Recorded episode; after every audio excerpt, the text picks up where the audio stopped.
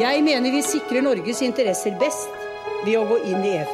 L'Europe ne se fera pas d'un coup, ni dans une construction d'ensemble. Das beste Mittel, um eine Politik zu treiben, die sich auf Vertrauen gründet. Dette er ikke noe vanlig samarbeid mellom selvstendige nasjoner. Dette er en sterk og dyp integrasjon. No, no,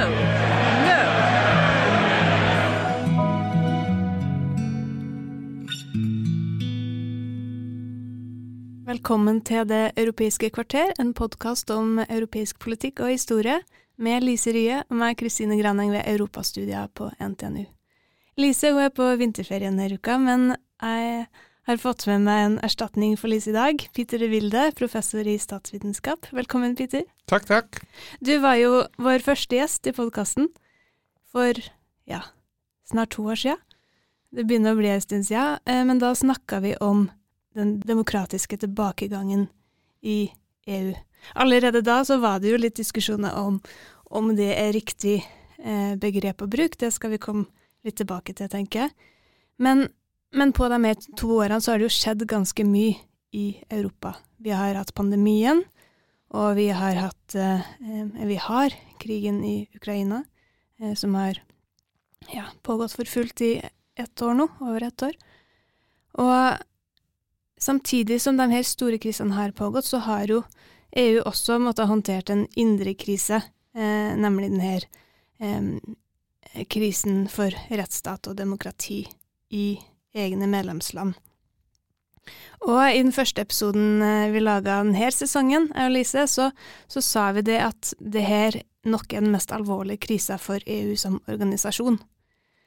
Så det må vi snakke mer om, tenker vi. Og du har jo jobba mye med det her temaet, Peter. Og, og, når vi skal ta opp det her temaet eh, i 2023, hvor er det du vil starte? Ja, Kristine, det er jo eh, mange gode ting å starte med. Jeg tenkte vi kan jo begynne litt med det som er mest eh, åpenbart i dagens krise, da. Og det er konflikten mellom Ungarn, eh, ungarske regjeringen eh, med Viktor Orban, og EU, og særlig da EU-kommisjonen eh, med Ursula von der Leyen. Så det, siden september i fjor så har det vært eh, ganske tydelig konflikt. fordi Der har EU brukt noe som heter kondisjonalitetsmekanisme. Um, og det betyr kort sagt at de um, kutter med å sende penger til Ungarn. Det er Orban ganske sinne over, uh, så, så, der er det stort konflikt. Men Så det tenkte jeg at vi kan ta som begynnelse. og Snakke litt hva, hva er det som faktisk foregår, hva er historien bak det, hvordan kan vi forstå det her, og hva har det å gjøre med demokratisk tilbakegang litt mer generelt. og så det, det jeg syns er, spennende og, og, og, viktig å forstå her, at, at det, det nye mekanismen det kan brukes hvis EU opplever at en medlemsland ikke følger med basisregler rundt rettsstat. Og det har mye å gjøre med uavhengige domstoler. Og i tillegg litt med regler rundt valg. Er det rettferdig, ærlig, åpent og sånn? Og uavhengig av andre viktige institusjoner i staten som medier og universiteter og sånn. At de har, at de har frihet til å drive med det de, de skal. Så det litt, Så det er, en, det er en ganske brei forståelse av rettsstat? Det, ja, men det, det, har mye fokus på det, det med domstoler. At ja. uh, er, de er fritt til å gjøre jobben sin uten påvirkning av uh, politikken. Det er, jo, det er, jo, helt sentralt her. Også hvis EU opplever, og hvis jeg sier EU, da mener jeg egentlig EU-kommisjonen, da, at um, sånne, sånne kjæle sånn rettsstatsregler ikke, ikke er på plass i medlemsland, da kan de si ok, men da, da sender vi ikke noe penger lenger til det landet fram til de har uh, fått tak i saken. Mm. Uh, og Så kommer de med forslag hva som bør gjøres da. Så siden vi snakka sammen eh, sist, Peter, siden, siden, du var på besøk i podkasten sist, så har jo har jo skjedd en viktig endring i EU, nemlig at man har tatt i bruk her kondisjonalitetsmekanismen.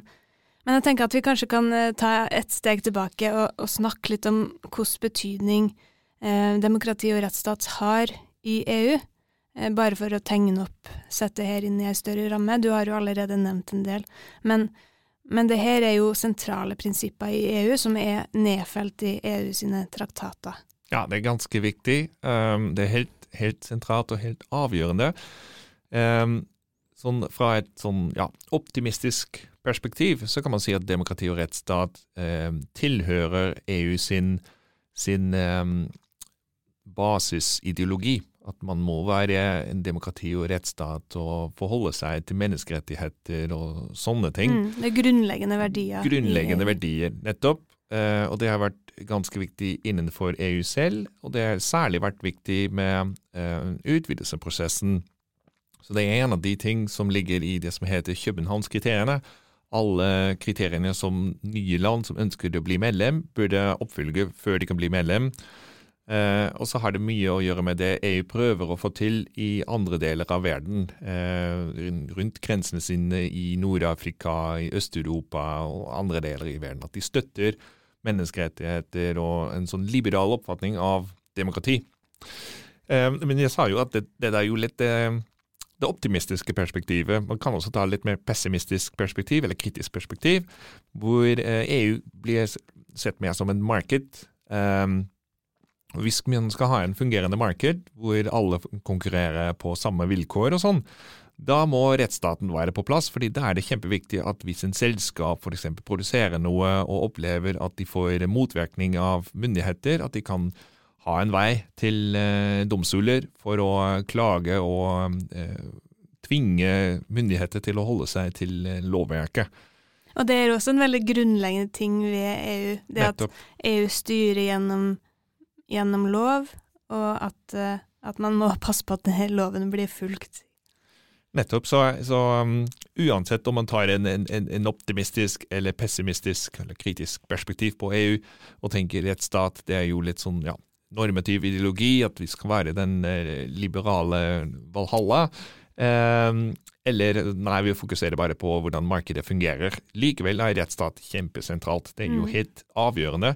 Og det finnes ofte i en sånn veldig stor eh, land, ja, EU er ikke et land, men, eh, men område hvor det er mange, mange personer, mange folker og ulike språk og litt sånn Ikke så mye fellesskap, følelse, ikke så mye tillit til hverandre. Da er det kjempeviktig at lovverket er på plass. At man vet at ok, jeg kjenner jo ikke de andre, men jeg vet at de forholder seg til samme lovverket. Ja, så man bygger tillit gjennom, nettopp. gjennom nettopp det, det er akkurat det, det som er sentralt her. Mm.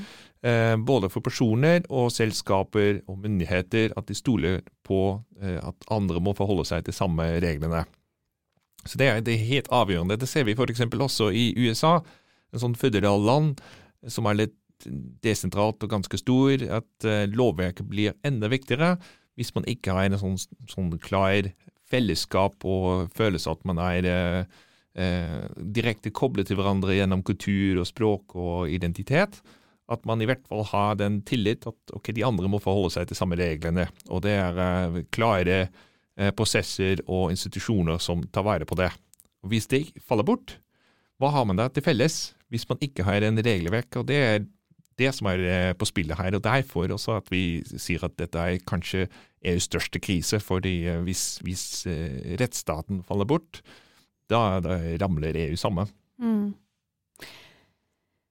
Jeg, jeg vet ikke om jeg, tenker feil, Peter, men, men jeg har også tenkt litt sånn at det er kanskje enklere å, å sjekke at man har en rettsstat som fungerer, enn en mer sånn eh, Litt mer flytende ting som at man har en eh, god offentlig debatt, at man har eh, ytringsfrihet på en god måte, den type ting.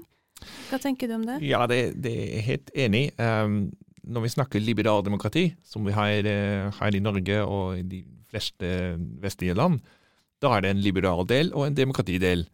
Og liberale delen er jo hovedsakelig litt sånn rettsstat og eh, fordeling av makt. At det ikke bare er én person eller en gruppe som har alt, men vi har jo fordelt mellom utførende og lovgivende og rettsmakten. Eh, og at de, de, de har litt sånn balanse og sjekker hverandre. At vi har en grunnlov som gir alle borgere og selskap og organisasjoner klare eh, rettigheter og forventninger, hva de kan og ikke kan gjøre. Eh, og det alt, det, alt det går i det liberale, liberale delen av liberaldemokrati. Mens demokratidelen av liberaldemokrati, det er jo å ha, ja, å bygge eh, eh, fellesskap og, og, og ha eh, en diskusjon om hva vi skal ha, en valg, og at eh, majoriteten bestemmer da til slutt. Um, og EU legger mye vekt på det første delen, mer vekt på det som det, det liberale delen av liberaldemokrati enn det demokratidelen. Mens uh, vi hører ofte fra populister uh, at de snakker ja, men vi kan jo ikke ha sånne fjernede institusjoner som, som begrenser eh, folkets vilje, og sånn, og da snakker de litt mer om den demokratiske delen mm. av liberaldemokrati. Det gjør Orban, eh, statsminister til, mm. eh, til, Ungarn, også veldig mye, eksempel. Um, og, og det, det, stemmer at det, det, er litt enklere å se om de formelle institusjoner, eh, som uavhengig rettsstat og, domstoler og sånn, er på plass, enn om vi har den ja, litt eh, uklare uh, kulturen på plass, som er like viktig, i hvert fall hvis du spør en statsviter som meg. Uh, kanskje ikke hvis du spør en jurist, men spør du meg, da er det like viktig å ha den kulturen på plass enn det er å ha de, de formelle institusjoner på plass. Men det er mye mindre oppmerksomhet der. Delvis også fordi EU, som vi snakket om, det, det er jo en rettsstat, og rettsprinsippen er jo veldig viktig både fordi Eh, den normative ideen av å være litt sånn kosmopolitisk valhalle, men også fordi det, det markedsføringsprinsippen. Eh, og Det betyr at eh, jurister har veldig mye makt innenfor eh, Brussel. Eh, F.eks. EU-kommisjonen har sin egen juridisk avdeling, og det er en av de sterkeste avdelingene. De kan jo stoppe alt hvis de sier at nei, dette passer ikke inn i, inn i EUs lovverk og går imot traktatene og sånn. Da er det kutt. Så jurister har eh, stor eh, makt i Brussel, eh, og jurister er, eh, er, litt mer oppmerksom på det formelle, institusjonelle eh, delen, og særlig rettsstaten og uavhengighet av domstoler. Så vi har litt også den må ta litt det sosiologiske perspektivet. at um, Bygger man opp et sånt system hvor rettsstat er viktig, da blir man avhengig av jurister, særlig de med konstitusjonell uh, jusbakgrunn og de får en stor maktposisjon, og deretter blir det altså hele perspektivet av organisasjonen veldig preget av det juridiske, uh, så fokusert på rettsstat, fokusert på det liberale delen av liberaldemokrati. Mm. Interessant. Og, og der snakka vi også om sist du var med, Peter, for du og Anna Gora, som også jobber her på Europastudiet, har skrevet en artikkel som ser på hvilke ulike um, deler av det liberale demokratiet som blir um, ja, Jeg syns det er litt vanskelig å vite hvilke ord man skal bruke. Utfordra er ikke helt utfyllende, men som blir eh, eh, svekka. Det er kanskje mer, mer rett å si. I, ja. i Europa, EU sine medlemsland. Ja, det, vi, det vi ofte ser eh, innenfor EU, men også utenfor EU, at hvis man får en sånn demokratisk tilbakegang, og jeg kommer tilbake til det begrepet snart, at det først begynner med litt sånn ja, eh, forvirring eller eh, dårligere kultur. At folk eh, ikke gir hverandre plass. Eh, at de blir mer skeptisk eller mer redd for å tape valg. F.eks. at de eh, ser motstandere, politiske motstandere, ikke som noen du kan være uenig med, men, men likevel eh, mm. bo på samme jo, land med, som at man blir fiender. Ja, og, og, det er jo veldig tydelig det man ser i USA nå. Absolutt. Eh, der man ikke har tillit lenger til, til at eh, motparten eh, følger spillereglene. Nettopp. Nettopp det er akkurat det. Og så begynner man å se hverandre som fiender, som må, som må ødelegge istedenfor uh, konkurranter eller eh, ja, folk man kan være uenig i, men, men likevel bo samme, i samme land med. Mm. Og der, eh, der, blir det ferdig, fordi der blir det undergraving av eh, de formelle institusjoner. Så det, tenk på kultur som, noe, som fundamentet til huset man skal bygge på, eh, mens institusjoner er huset selv. Så du, må, mm. du må ha fundamentet på plass før du kan bygge. Og Det samme gjelder med demokrati. Vi må ha kultur på plass. Og, og eh, bruke eh, ressurser til å opprettholde den demokratiske kulturen. At det er, det er greit å tape valg av og til. Fordi du får jo en sjanse til om fire år eller fem. Eh, og så kan det være annerledes etterpå. Eh, og så er det viktig å forstå at eh, ja, vi har jo masse ulike folk, eh, og eh, det er ikke alltid sånn at hvis du ikke får det du vil, at det er udemokratisk.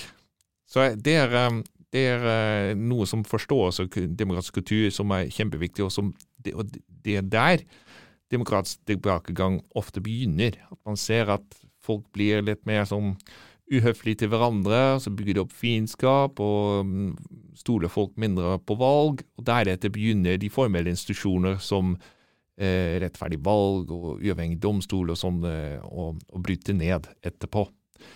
Og Det er det vi har også sett i, eh, i USA. Eh, det begynte allerede i 70-tallet, men det ble jo verre og verre, verre over tid. Og Det ser vi i, i EU også, så det er ikke de gamle sånne revolusjoner eller en, en eh, Det skjer ikke noe kupp. Nei, nettopp. Det er ikke noe Mm. kupp som, som, som med en gang overgang fra demokrati til, til et, en autokrati. Det er en langsomt sånn prosess over flere år, hvor eh, demokrati bare sånn blir eh, ja, mindre stabilt over Mm. tid. Mens det formelt fortsatt er en demokrati. Det er fortsatt uh, valg, og det er fortsatt ulike politiske partier og sånn. Men uh, kulturen under det, som støtter det, fundamentet, det blir jo verre. Og det har vi sett i, uh, i, innenfor EU, og særlig i Ungarn, siden 2010, da Orban kom eh, til makt på andre gang som statsminister. Og så Deretter kom det også i andre land som Polen og Slovenia og sånn. Og fram til uh, i fjor, eller året før, så 10-11 år, så har det vært bare nedgang, mens EU gjorde ganske lite til å stoppe det. Eh, delvis visste ikke hva de skulle gjøre, og delvis ble tiltak blokkert fra Orbán sin støttespillere fra innenfor Europa, Europaparlamentet og sånn. De har jo eh, Han hadde jo eh, venner der eh, som, som eh, beskyttet ham. Men eh, nå med det kondisjonalitetsmekanisme, det, der ser vi en endring. Nå slår EU tilbake. Det er rett og slett det vi kan, kan si. Og eh, det har også å gjøre med at eh, støttespillere til eh, Orban har eh, blitt mer kritisk til ham. Eh, og når vi snakker støttespillere, da er det særlig det som heter eh, Det europeiske folkepartiet, som er høyrekonservative gruppen i Europaparlamentet, og som tilhører mange sånn sentrum-høyre Mm. politiske partier. For eksempel var- CDU i, i Tyskland, Merkel sin parti. Men også det norske Høyre har også tilkobling til, til den gruppen. Orban har vært med der, og de andre har derfor beskyttet ham for å bli sterkere enn sosialistene, enn venstresida. Mm. Men nå er han utenfor eh, det europeiske folkepartiet, og derfor får han også mindre støtte. Så har han også fått støtte av eh, andre østeuropeiske eh, land som, som hadde lignende politisk agenda, særlig Polen, som etter 2015 også fikk en, en høyre eh, regjering, eh, PiS-partiet, med Kaczynski, som eh, førte en lignende demokratisk tilbakegang-politikk som i Ungarn, men raskere, da. Så, eh, Mm. Og på, på grunn av måten de verktøyene som fantes da, var utforma, de krevde jo um, enstemmighet, ikke sant? Nettopp. Eller alle andre land eh, enn det som eh, skulle bli sanksjonert, måtte være enig. Ja, det, er det som formelt helt eh, artikkel 7-prosedyren, da, det er jo en, en artikkel i EU-traktatene eh, som sier at eh, eh, man kan ta fra eh, stemmerettighet eh, til medlemsland hvis alle andre er enig. Hvis man har eh, nå eh, 27 medlemsland, så må det være 26 eh, enig til å ta bort stemmerett eh, fra ett medlemsland pga. f.eks. demokratisk tilbakegang. Så Ungarn trenger bare én venn eh, for å stoppe det her. Det heter litt sånn det, ja, det nukleære eh, eh, opsjon, fordi det, det er jo sånn veldig sånn sterk eh, eh, instrument, og det har vært mye snakk om å bruke det, men det har aldri vært eh, mulig fordi de ventet for lenge fram til Polen også var på samme demokratiske Mm. tilbakegangvei, og da var det to land, eh, og de beskyttet hverandre, så det er vel ikke lenger mulig å bruke den artikkel 7. Men, men nå har vi litt sånn den, den nye mekanismen det kondisjonalitetsmekanisme som, Mm. som er eh, mye mer eh, brukbart. Eh, og der, eh, det ser vi også at nå blir det brukt. Det har vært lenge sånn argument at vi må jo, vi må jo eh, eh, motarbeide Orban, hvor det Men du Peter, før vi snakker mer om kondisjonalitetsmekanismen, så har jeg lyst til å ta opp eh, en debatt som jeg syns er veldig interessant, som vi har nevnt litt tidligere i podkasten òg. Og det er det her som handler om eh, hva som egentlig er årsaken til at eh, EU ikke har klart å håndtere det her. Og du har jo eh, gått godt inn i det allerede, men, men det er jo en debatt som handler om EU har hatt verktøy eh, eller ikke. Om, om det på en måte har handla om mangel på vilje, eller om det har handla om mangel på verktøy. Og jeg var på en konferanse i fjor eh, for europavitere, der eh, Dan Kelman holdt et foredrag som var veldig engasjerende, der han sammenligna eh, EU med MacGyver. Og jeg tror de fleste som hører på, kanskje har kjennskap til MacGyver, men hvis det er noen som ikke har det, så er jo det en, en amerikaner som eh, er veldig god på å fikse ting med veldig enkle verktøy. Redde verden med gaffateip og, eh, og lommekniv. Og argumentet til Dan Kelman det var jo det at eh, EU har hatt muligheten til å fikse de her problemene med, med gaffateip og, og lommekniv, men ikke tatt i bruk de verktøyene. Og I stedet så har de bygd opp en sånn um, Goldberg-maskin, heter det på engelsk. En slags uh, Reodor Felgen-løsning. Et veldig komplisert system for å løse en enkel oppgave. Og det var et veldig engasjerende eh, foredrag han holdt. Jeg tror kanskje at jeg ble litt sånn revet med av det, men jeg har lyst til å, å diskutere litt, eh, og det hør hva du tenker.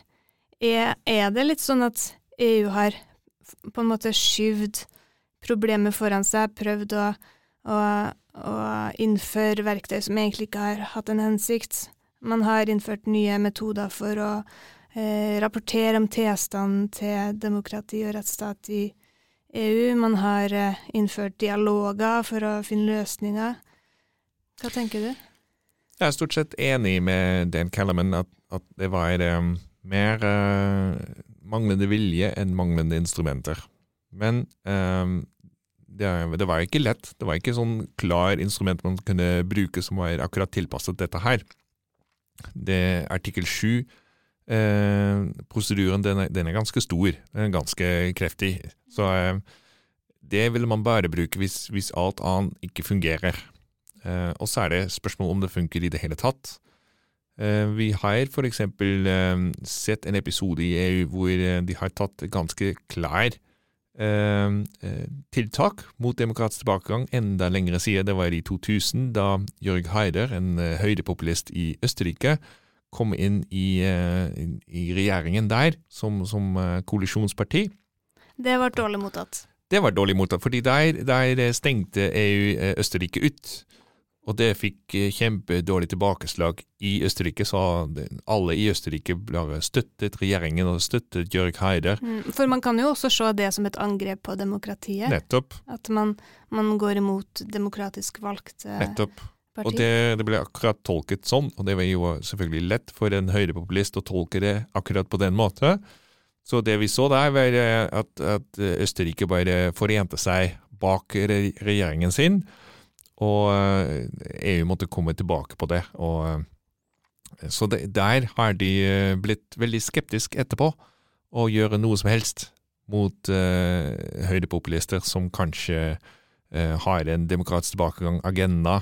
Det så vi f.eks. direkte etterpå i Italia, hvor uh, Berlusconi prøvde seg like ting, og EU gjorde ingenting. Mm. Og etterpå, i, i, Ungarn i begynnelsen, så er de første årene at Orban begynte med demokratisk tilbakegang etter 2010. Det gjorde EU ganske lite, også fordi de var redd for å få en, en, en lignende eh, episode som de, de, hadde med Jørg Haider i 2000. da. Men eh, Så det har, vært, det har vært manglende vilje, og så har det vært en del sånn politisk partivurderinger, parti, eh, særlig det tyske CDU-partiet, som er den tyske konservative høyrepartiet. Ja, Merkel sitt parti. Merkel sitt parti. de var også mektigst innenfor Europaparlamentet. eh, Og både Merkel og Manfred Weber, som var eh, en ledende politiker i, eh, i Europaparlamentet, støttet Orban og beskyttet ham mot all type kritikk. Og det handla ikke bare om partipolitiske bindinger, det handla også om økonomisk interesse, gjorde det ikke? Ja, absolutt. Eh, Tyskland har jo eh, stor interesse i at eh, eh, Ungarn eh, blir i, innenfor eh, EU, og det, det er sånn stor marked for dem. Og mange store tyske industriselskap som får delprodukter fra selskap produsert i Ungarn og, og flere østeuropeiske land.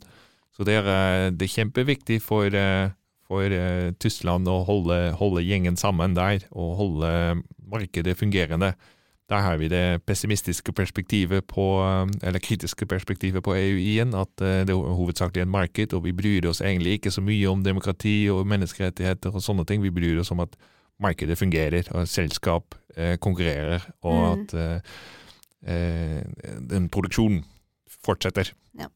Og i denne sammenhengen så var det negativt for, for den demokratiske utviklinga. Nettopp. Eh, men men eh, kritikken bygget jo, og Orban eh, gjorde det vanskelig for vennene sine å beskytte ham, fordi han, han, han ble jo bare mer og mer radikalt, og gikk videre med den demokratiske tilbakegangsagendaen. Um, så til slutt så ble han kastet ut av eh, The European People's Party.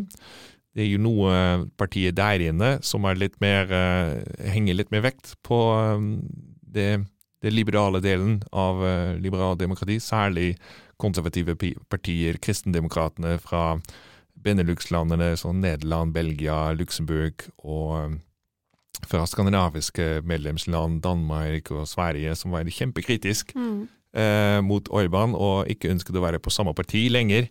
Så der sa de rett og slett til eh, Merkel sin CDO at eh, enten eh, Orban går ut, eller vi går ut. Så eh, der eh, fikk Merkel et vanskelig valg. Eh, men eh, så, så det har vært mye sånn, politikk over flere år. Og særlig så får de selvfølgelig mye kritikk fra sosialdemokratene, som sier at ja, men hvordan kan det være at du har en autokrat innenfor partiet ditt? Så det, det blir også litt mer vanskelig å forholde seg til over tid, når det blir verre og Orban kaster ut eh, eh, universiteter og sånne, sånne store tiltak som fikk mye oppmerksomhet i internasjonale medier. Mm. Og, og Europaparlamentet har jo vært en veldig sentral aktør i de debattene, når man ser på Europaparlamentet i stort. Um, og et av de kanskje iallfall mest symbolske et, En av de mest symbolske tingene som har skjedd siden, siden vi snakka om det sist, er jo kanskje det at eh, Europaparlamentet sa i, i fjor at eh, Ungarn ikke lenger kan regnes som et demokrati, at det er et valgautokrati. Nettopp. Nettopp, og det, det får de også selvfølgelig fra eh, eksperter som Freedom House og sånn, som vurderer hvert land hvert år, hvor de henger på ulike demokratiske tiltak, inkludert de mer liberale og de mer demokratiske deler av liberaldemokrati. Og så blir det, ja, det blir vanskelig å forholde seg eh, og opprettholde at det er en demokrati hvis eh, sånne store eh, eh, organisasjoner som Freedom House eh, og Economist eksempel sier at eh, det ikke er en demokrati lenger. Det jeg syns også er, er, er interessant å, å påpeke, er at det finnes jo ulike konflikter mellom Orban og EU. Noen av dem handler om, om rettsstaten selv, og noen av dem eh, handler litt mer om konservativ politikk. Og det blir blandet ofte. Eh, men, eh, og det er viktig, for det, det bygger jo på hvorfor det, det kondisjonalitetsmekanisme er så, så viktig, og så, hvor det, hvorfor han reagerer så sterkt eh, på det eh, med pengepolitikk. Så vi har sett konflikter over eh, sånn formelle, institusjonelle ting, sånn uavhengighet av domstoler særlig, Mm. eh, uavhengighet av universiteter, akademisk frihet, mediefrihet, eh, valgfrihet. Men vi har også sett konflikter om litt mer sånn konservativt politiske temaer. Innvandring og eh, LGBT-rettigheter, eh, likestillingsspørsmål. Men det er også interessant her hvor går grensa mellom, mellom hva som er politikk, og hva som er en del av det liberale demokratiet. For de temaene du peker på her, det er jo det er en ganske hårfin grense når man begynner å snakke om rettigheter til, til enkeltpersoner til å, til å uh, leve ut legninga si, til å, til Nettopp. ha en eh, Nettopp, det, det er vanskelig å, å, å si akkurat hvor politikken eh, stopper og eh, institusjonelle tiltak eh, eh, begynner. Eh, særlig hvis man tenker litt mer liberalt og tenker ok, vi, vi, en viktig del av demokrati er å ha en grunnlov som beskytter, alle individer, eh, inkludert eh, flyktninger og homofiler og, og alle med ulik u, eh, med, med ulike seksualiteter og sånn, og gender. Så hvis man begrenser det, så begrenser man automatisk også demokratiet. mm, Det er et perspektiv. Og det har um, både liberale og Orban utnyttet til å bygge opp litt sånn egen konflikt. Så Orban har sagt eh, EU eh, tvinger oss til å bli eh, eh, ja, sånn eh, homofil eh, eh, innvandringsvalhalla som vi ikke ønsker å være. Vi ønsker å satse på familieverdier, på eh, det konservative perspektivet på hvordan eh, samfunnet eh, holder sammen. Eh, Og derfor må dere, eh, folk i Ungarn, støtte meg som leder, fordi jeg beskytter oss fra EU sin, eh, sin woke-type ideologi. Der får han mye støtte innenlands med. Det er den måten han beskytter seg selv på. Eh, og på den andre siden har vi også sett eh, eh, politikere i andre EU-land som bruker samme type eh, konflikt. Eh, Mark Rutte, statsminister til Nederland, har vært kjempekritisk mot uh, ungarsk tiltak, eksempel om uh, utdanning om, om homofili. Så de har eh, begrenset muligheter for utdanning til barn om, om seksualitet.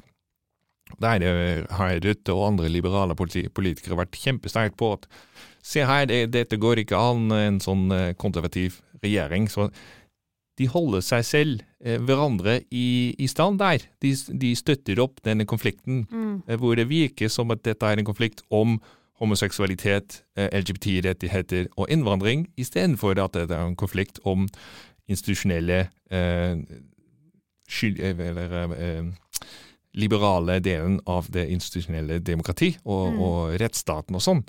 Og det Det- er vanskelig fordi eh, egentlig er en sånn autokratisk regime som Orban bygger, eh, er også en kleptokratisk regime, og det betyr at de stjeler penger eh, fra folket sitt. Eh, og han gir det til sine venner, og derfor støtter vennene sine ham.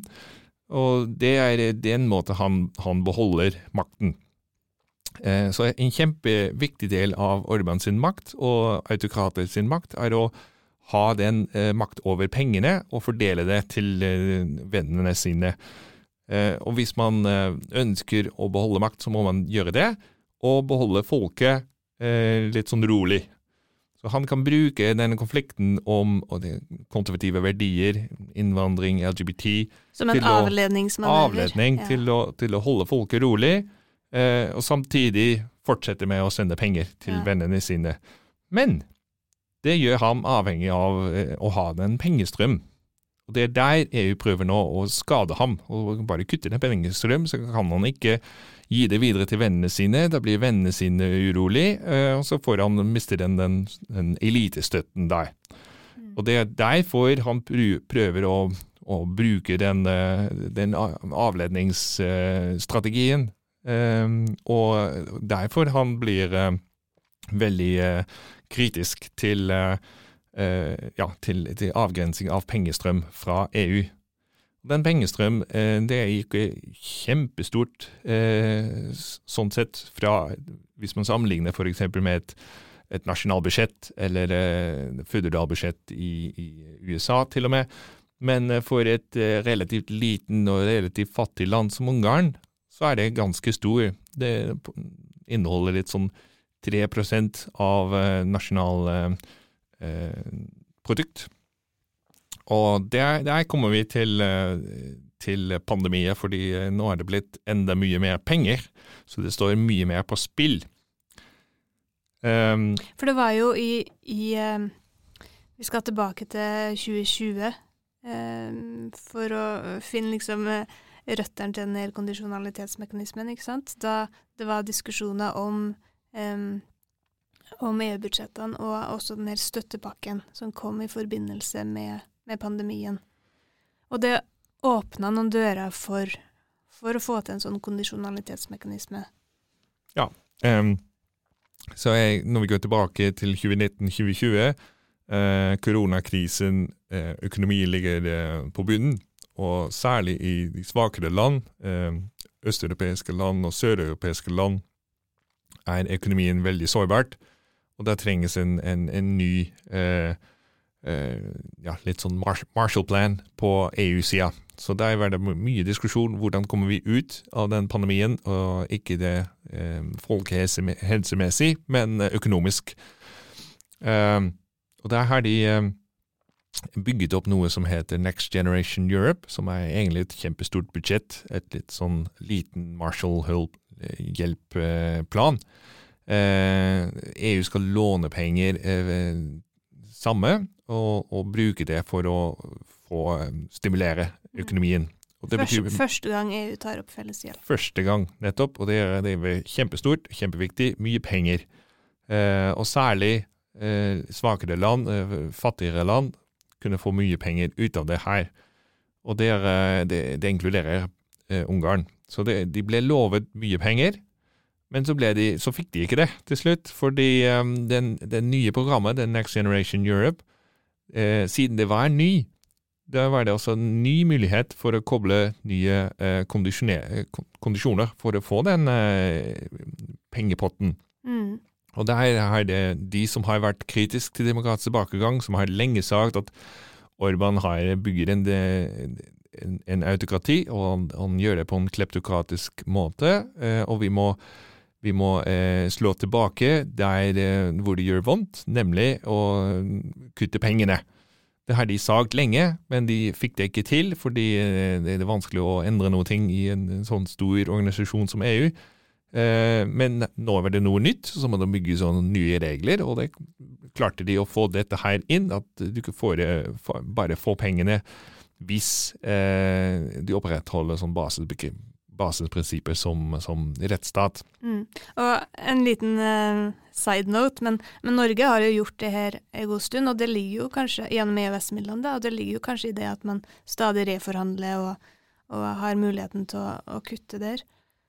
Ja, det er, eh, med EØS-midler har det, særlig Norge selvfølgelig mye mer fleksibilitet enn eh, enn det finnes i eh, mindre partier som må bli enige om hvordan det, det, det funker. Så Norge har vært ledende her, eh, gitt det eksempel at vi, vi fortsetter bare med det eh, basert så lenge, så lenge rettsstaten er på plass. Og det, er, eh, det, det gir jo mulighet for EU å lære derfra, og eh, ta det som, som, eh, som eksempel. Så det om de, om de direkte har lært det fra Norge, det vet jeg ikke, men eh, det, det ligner i hvert fall. Og, mm. og det, det skaper jo presedens, eh, hvordan det kan, det kan funke. Men det skjedde jo ikke uten eh, motstand at denne kondisjonalitetsmekanismen ble innført heller. Eh, Polen og Ungarn tok jo det opp for EU-domstolen. Ja, så, eh, og det er fortsatt eh, uklart eh, hvem som eh, vinner dette her. Eh, kampen er ikke avgjort i det hele, i det hele tatt. er stadig nye kamper. Ja, det, det, det fortsetter, men Først om eh, verktøyet, og så hvordan man nettopp. bruker det. Nettopp. Så, så um, det, det, det er ikke mulig å si nå om, om uh, dette er slutt på Orban, eller, eller dette blir uh, uh, igjen en sånn Jørg Heide-sak hvor EU prøver seg, men må- ta tap i, til slutten. Det, Mm. det vet vi ikke ennå. Men det For- er i for man hvert fall en vet jo at Orban skylder jo tydelig på EU i, i sin kommunikasjon også. Ja. Prøve å, å skyve skylda bort fra seg sjøl og, og legge det Nettopp. over på slemme EU som kutter midler. nettopp. Ja, og som, som tvinger ham til å ta opp flyktninger og, osv. Mm. Um, men eh, det som er en, en, en stor endring, er at det er skikkelig kamp nå, i hvert fall. I, siden ja, i fjor. Eh, så de første ti-elleve år av demokratisk tilbakegang gjorde EU ganske lite imot, og nå, nå slår de tilbake.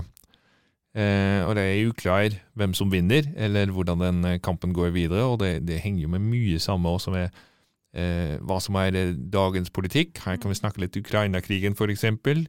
Eh, men For et av argumentene til, til Kellerman Co. for at EU har bygd opp en sånn maskin eh, der man ikke har, har fått til en god løsning, er jo nettopp det at EU har vært opptatt med å, å møte andre kriser, at man har prioritert eh, enighet i andre saker framfor eh, løsninger i møte med, med denne autokratiseringa. Ja, nettopp. Um, så det er, det, det, det er viktig hva som står på dagsorden, og hvor, um, eh, hvor mye av en kampsak dette er. Um, EU får mer uh, råd til å fortsette kampen så lenge det ikke er altfor stort i mediene, fordi der, det skaper rom for juristene i Brussel for å bare opprettholde strenge krav. Mens eh, hvis det eksempel eh, blir diskusjon om ja, men vi må alle eh, støtte eh, Ukraina i krigen, eh, og det trenger rett og slett eh, sammenheng og økonomisk eh, styrke, da, da, blir det andre, andre, verdier som kommer inn, og andre prosesser, og, andre, og, særlig andre personer også, ikke bare juristene lenger, men, men politikere. da som tar beslutninger, og da, blir det mer vanskelig å opprettholde den kampen fra, fra EU sin side. Så, eh, og det har eksempel også Polen eh, delvis brukt. At de har sagt at men, eh, fordi eh, EU begynte også med å, bruke det kondisjonalitetsmekanismet mot Polen, som også har problemer med rettsstaten. At eh, Men de kan ikke ta pengene fra oss nå, fordi vi er i krig med Russland, og vi må støtte eh, Ukraina, og vi er en av eh, Tar imot masse flyktninger. Tar imot masse flyktninger derfra, og sender våpen dit, og sånn. Eh, du kan ikke skade vår økonomi. Skader du vår økonomi, da støtter du Russland. Et mm. sånn type argument, det, det, er, det, er, veldig politisk, og det er eh, eh Det har større sjanse enn å funke enn en, en uh, ren juridisk argument mot dette her. Og Så er det spørsmålet om EU sin strategi. Skal vi ta alle de som ikke er perfekte på rettsstaten med en gang? Eller skal vi fokusere på det verste, og det er Ungarn, da? Eh, så noen, f.eks. von der Leyen, har, eh, har vært støttende for en, en, taktikk hvor man skal isolere Orban. Eh, ikke gå i krangel med Polen og andre land som ikke er perfekt på rettsstaten heller, men bare med Ungarn og prøve å isolere Orban på den måten. Handler det også om at man At man forsøker å skape enighet med de andre? Nettopp. Nettopp, og, og få Polen på lag. Mm. Og en annen side ved, ved, krigen i Ukraina som spiller inn på det, det er jo at, at Ungarn og Polen har, har på en måte gått fra hverandre i her, Nettopp. i det her partnerskapet. Nettopp. De var jo, eh, de var jo lenge på samme lag, eh, men de har ganske andre, annen type forhold til Russland. Og eh, Orban har vært Putins støttespiller innenfor EU. Og vært ganske ukritisk til krigen i Ukraina.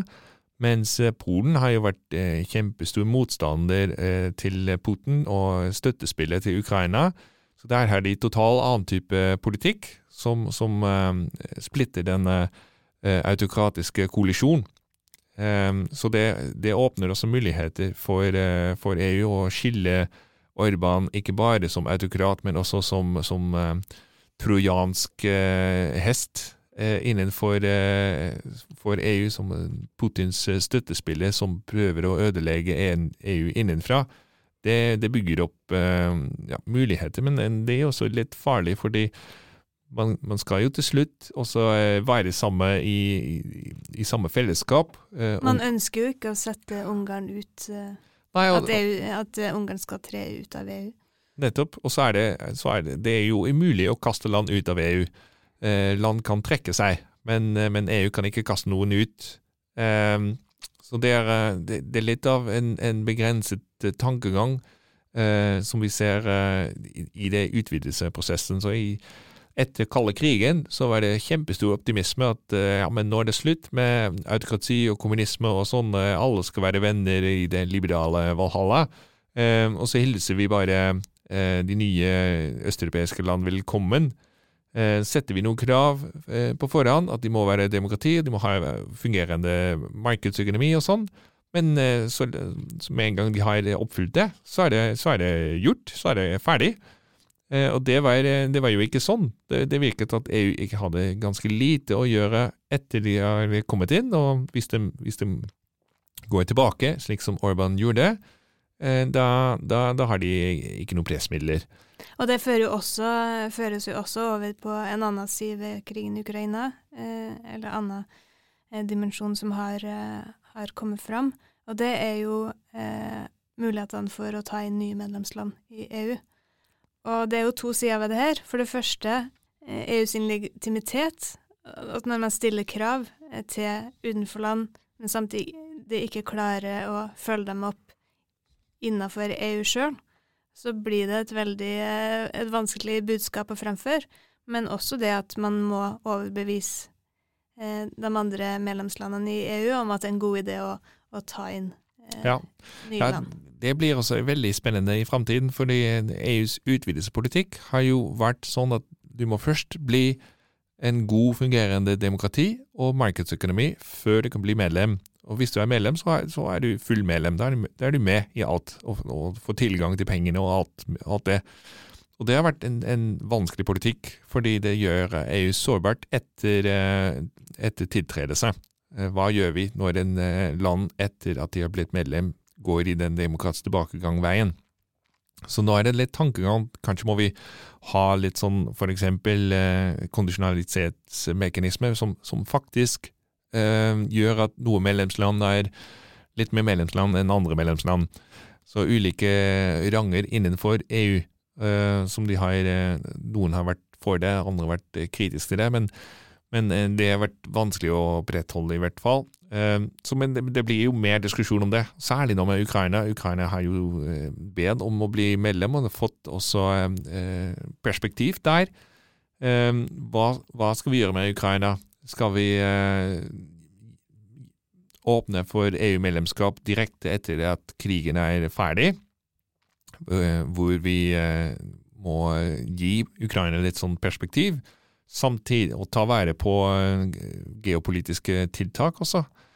At hvis ikke Ukraina blir inkludert innenfor EU sin rammeverk, da blir det kanskje åpent for manipulering fra Russland eller Kina lengre. Mm. Så det er en sånn geopolitisk tankegang, da. Og det kan godt være at de går en vei hvor de sier at du kan bli medlem, selv om du ikke oppfyller fulle demokratiske uh, krav, og det er fortsatt mye korrupsjon, og markedsøkonomien fungerer ikke helt som det, det skulle. Og så skal vi jobbe i etterkanten videre, etter at dere er blitt medlem, og åpne pengepotten langsomt for ja, for å ha litt sånn eh, påvirkningskraft i etterkanten også, da. Det er, det er kjempespennende. og Vi har jo sett Zelenskyj, president til Ukraina, på besøk i Brussel. Det er veldig klart at han har stort prestisje, at det er nesten umulig for EU å si nei til ham nå. Mm. Um, og det ligger mye prestisje hos EU også i å følge opp. Absolutt. Så når Ukraina-krigen er slutt, da kommer Zelenskyj og Ukraina sikkert til å si ok, nå skal vi, skal vi bli EU-medlem, og da blir det utrolig vanskelig for EU å si nei, du er ikke helt perfekt på korrupsjon ennå. Mm. Så det, er, eh, det, det, må de tenke på. Hva, hva, skal de gjøre der? Og kan de eh, snu litt den eh, tankegangen at først eh, bli en perfekt demokrati, deretter medlemskap, medlemskap, til først medlemskap, og deretter bygger vi videre på demokrati og markedsøkonomien. Nei, det er store spørsmål EU står overfor. Um, men hvis vi skal oppsummere det vi har snakka om nå, det ble en, en lang samtale, Peter, men, men uh, hvis vi skal oppsummere, så, så, er det jo det at vi ser fortsatt en, en uh, alvorlig utvikling i enkelte medlemsland i EU, særlig Ungarn. Men samtidig så har det jo skjedd eh, en del også på EU-nivå. Makta har flytta seg litt, kommisjonen har fått noen nye virkemiddel, og man er ikke like avhengig, eh, avhengig av enstemmighet for å ta i bruk virkemiddel. Man har muligheten, eh, på papir også, eller veldig nedfelt eh, eh, som et verktøy gjennom den kondisjonalitetsmekanismen til å holde tilbake midler. Ja, vi har sett både endring i vilje i eh, Brussel og i virkemidler som de har. Eh, som de sa, at det passer bedre nå med det de kan og det de ønsker. Eh, så, så, det vi ser, er, det nå kamp, rett og slett kamp, mellom Ungarn og, og Brussel om, eh, om, det demokratisk tilbakegang. Og det er noe nytt. Det, det, så vi ikke de første ti år av demokratisk tilbakegang. Hvordan det går, eh, hvem som kommer til å vinne, det er jo helt uh, uklart. Vi skal følge opp det temaet videre i sesongen også. Eh, tusen takk for at du ville være med, Peter. Ja, bare hyggelig. Takk for invitasjonen.